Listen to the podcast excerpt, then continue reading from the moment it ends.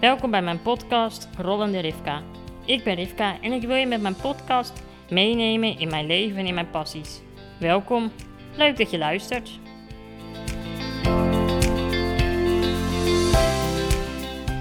Vandaag gaan we het hebben over mijn vrijheid. En bij het woord vrijheid komen er vaak verschillende ideeën op. Zoals mogen zeggen wat je denkt en mogen zijn wie je bent. Maar bij het woord vrijheid denk ik vooral aan mijn auto. Want het hebben van een rolstoelbus is niet vanzelfsprekend. Daar zal het vandaag over gaan. Hoe rolde afgelopen week?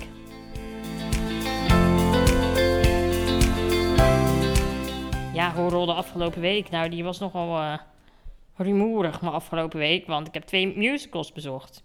Oh, was, was dat fijn weer even naar het theater. Dat is toch wel...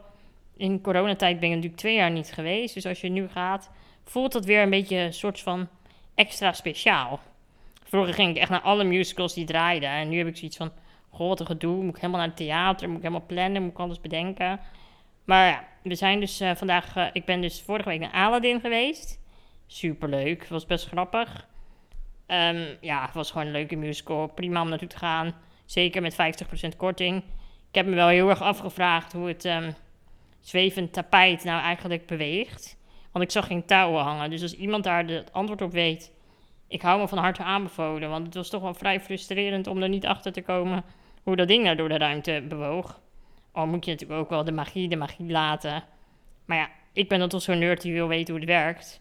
En toen ik mijn zus van de week zag, bleek dat zij dat ook heeft zitten uitzoeken. Die heeft zelfs op internet zitten googelen hoe dat kleed, dat tapijt werkte. Die is er niet achter gekomen. Dus mocht een van jullie het wel weten, ik hoor het heel graag. En um, ik ben bij de musical Checkpoint Charlie geweest. Dat was eigenlijk best wel heel erg indrukwekkend. Het is uh, zeker een musical om aan te raden om naartoe te gaan. Um, waar gaat het over? Het gaat eigenlijk over uh, verschillende families ten tijde van de, uh, ja, de oprichting, hoe noem je dat? Dat eigenlijk de muur tussen Oost- en West-Duitsland werd gemaakt. En die families werden gewoon op een ochtend wakker en konden gewoon niet meer van de ene kant naar de andere kant van de stad. En dat leverde dus de situatie op dat een jonge vrouw die hoogzwanger was, uh, niet meer naar haar werk kon, twee straten verderop. En een zangeres die in het oosten woonde, die wilde graag in het westen optreden. Maar die kon daar ook niet meer naartoe en die wilde ontsnappen en dat soort dingen. Maar het is eigenlijk best wel heel erg bizar om je te realiseren dat er gewoon een moment was in de geschiedenis waarop je ochtends wakker werd. En dat je gewoon niet meer naar je ouders toe kon omdat er een muur stond. Ik vind dat zoiets bizars dat bij ons op de boulevard opeens een muur zou staan en ik niet meer naar de andere kant van de boulevard zou kunnen. Ik vind dat dat is echt niet voor te stellen, al is het natuurlijk wel met alle spanningen in de wereld helemaal niet ondenkbaar dat er weer zoiets gebeurt. Maar het feit dat dat gebeurd is en hoe die mensen daarmee om moesten gaan, ja, dat vond ik wel, um, vond ik wel heel erg indrukwekkend. En natuurlijk, de muziek was geschreven door Stef Bos. Ja, Stef Bos. Dat is natuurlijk wel een. Uh, dat, is natuurlijk wel echt wel iemand die dat goed kan.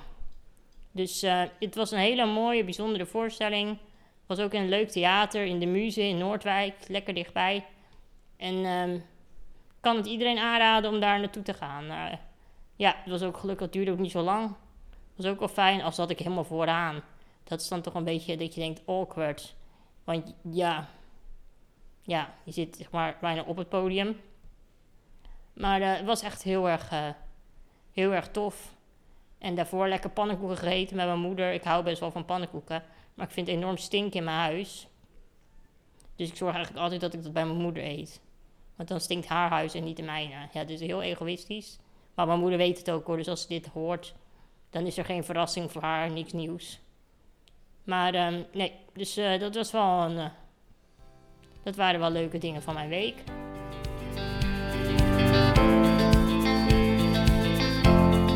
My point of view.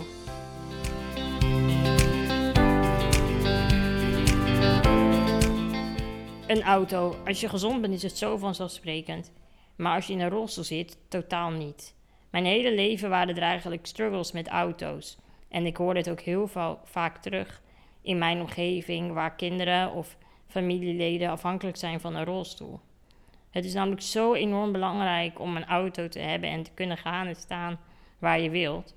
En daarom wil ik het er vandaag toch eens over hebben, om er wat meer inzicht in te geven over de problematiek die er is rondom rolstoelbussen. Want allereerst, de rolstoelbussen zijn veel duurder dan een gewone auto. En als je opeens een kind in een rolstoel hebt, en ik heb het nu dus over kinderen in een rolstoel, maar dit geldt natuurlijk voor iedereen in een rolstoel, ben je gewoon min of meer verplicht tot het kopen van een heel duur aangepaste rolstoelbus. En dan zul je misschien afvragen, wat is een heel duur aangepaste rolstoelbus? Um, nou ja, voor de mensen die er geen verstand van hebben, ik heb even online gekeken. En een rolstoelbus van 18 jaar oud is rond de 9000 euro. En een rolstoelbus van 2 jaar oud is rond de 60.000 euro. Dus ja, um, dat zijn nogal wat prijzen. Dus beeld je even in, je bent jong, je hebt net een huis gekocht of je huurt een huis. Je begint aan kinderen en je hele jonge kindje blijft zwaar gehandicapt. Je huis is totaal niet geschikt. Je moet veel naar ziekenhuizen en aanpassingen regelen, waardoor met z'n tweeën werken eigenlijk onmogelijk is. En dan blijkt je ook je kind niet meer te kunnen vervoeren. En dit is een situatie die heel erg veel voorkomt in Nederland. Heel erg veel. Want dan moet je zelf een rolstoelbus kopen. En daar zijn eigenlijk geen subsidies voor.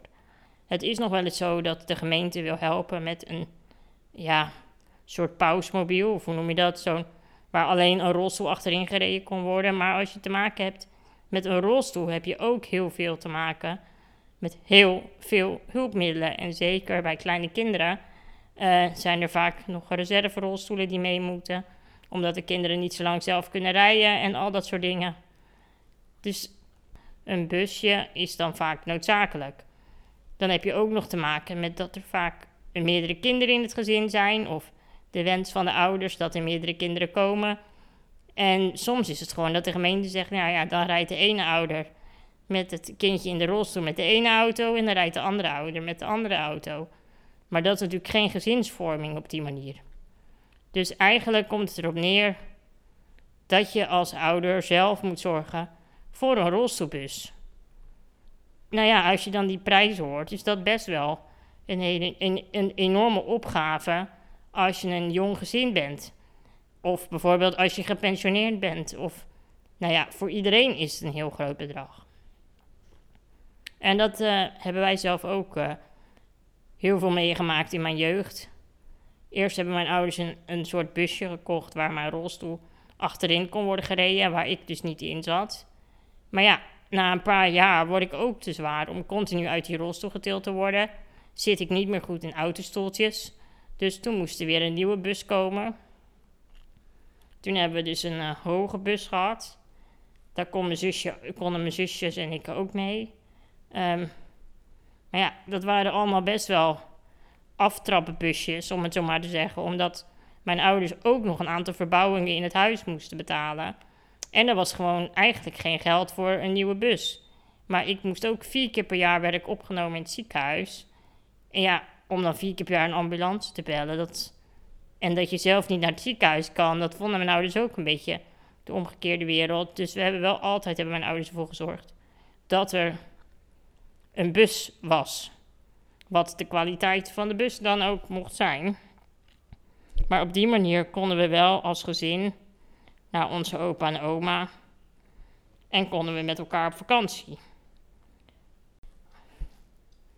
Maar ja, toen ik 18 werd, toen dachten we ja, nou ja, toen woonde ik nog bij mijn ouders. Maar hoe ouder ik werd, hoe meer we gingen nadenken, ja, wie is nou de eigenaar van de auto? Want eigenlijk past de auto bij mij, die is op mij geschikt. En het is ook heel erg fijn dat hulpverleners erin kunnen rijden. Maar hoe zit dat dan verzekeringstechnisch? Ja, heel lang hebben wij gewoon onze eigen bus, die we jaren hebben gereden, hebben, zijn we blijven gebruiken.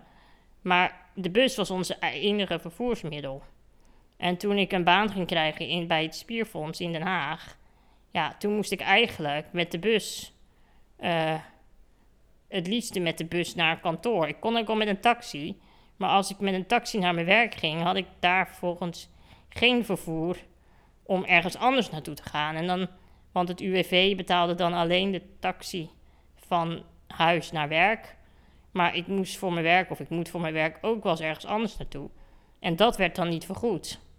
Dus het allermakkelijkste was dat ik een eigen auto zou hebben. Gewoon zo'n pausmobiel. Dus dan hadden we de bus voor, um, voor de vakanties en voor als we met gezin weggingen of wat dan ook. Maar voor mijn werk had ik gewoon mijn autootje waar ik achterin reed. En mijn personeel of mijn vervoerders, die zaten voorin. Helemaal dik prima. En dat was zo'n chille auto. Want wat je dus niet gewend bent als je in een rolstoelbus zit, is dat je overal kunt parkeren. Parkeergarages zijn eigenlijk bijna, nou, 9 van de 10 keer een drama. Want uh, een L, uh, nee, een lage rolstoelbus, ja, daar moet de parkeergarage toch 2,10 zijn. En bijna alle parkeergarages zijn 1,90 of 2 meter. Dus ja, dat past niet. En met dit autootje konden we gewoon overal heen. Ik heb ook nog nooit zo vaak parkeergeld betaald. Want ik dacht gewoon, oh, het is parkeergarage, up naar binnen en klaar. Maar wat is het een vrijheid om te kunnen parkeren in een parkeergarage? Ja, dat zullen de meeste mensen niet snappen. Maar het is echt super onhandig dat je 9 van de 10 keer niet op gewone plekken kunt parkeren. En het is helemaal irritant als je dan ziet dat er op de gehandicapte parkeerplaatsen gewoon auto's staan. Dat je denkt, joh, je kan prima die parkeergarage. En ik moet nu, ik kan gewoon letterlijk nergens parkeren. Maar goed, ik had dus zo'n eigen auto. En dat was eigenlijk best wel goed geregeld. Want ik, uh, ik werd dan vervoerd naar mijn werk. Door de nieuwe koetsiers. En ik weet niet of jullie daarmee bekend zijn. Maar um, de nieuwe koetsiers is eigenlijk een organisatie. Uh, die waarbij studenten of gepensioneerde mensen auto's verplaatsen. En dan met name leaseauto's. Dus jij hebt een nieuwe leaseauto nodig, die wordt bij jou bij de deur afgeleverd. En die wordt heel vaak afgeleverd door of een student of een oude man. Meestal oude man, want ik heb eigenlijk nog nooit een oude vrouw gehad. En die hebben dat als bijbaantje. En op die manier vervoeren ze dus ook de mensen die dat durven. Uh, iemand in een rolstoel. Of iemand die bijvoorbeeld zijn been gebroken heeft en wel kan werken, maar niet zichzelf kan vervoeren.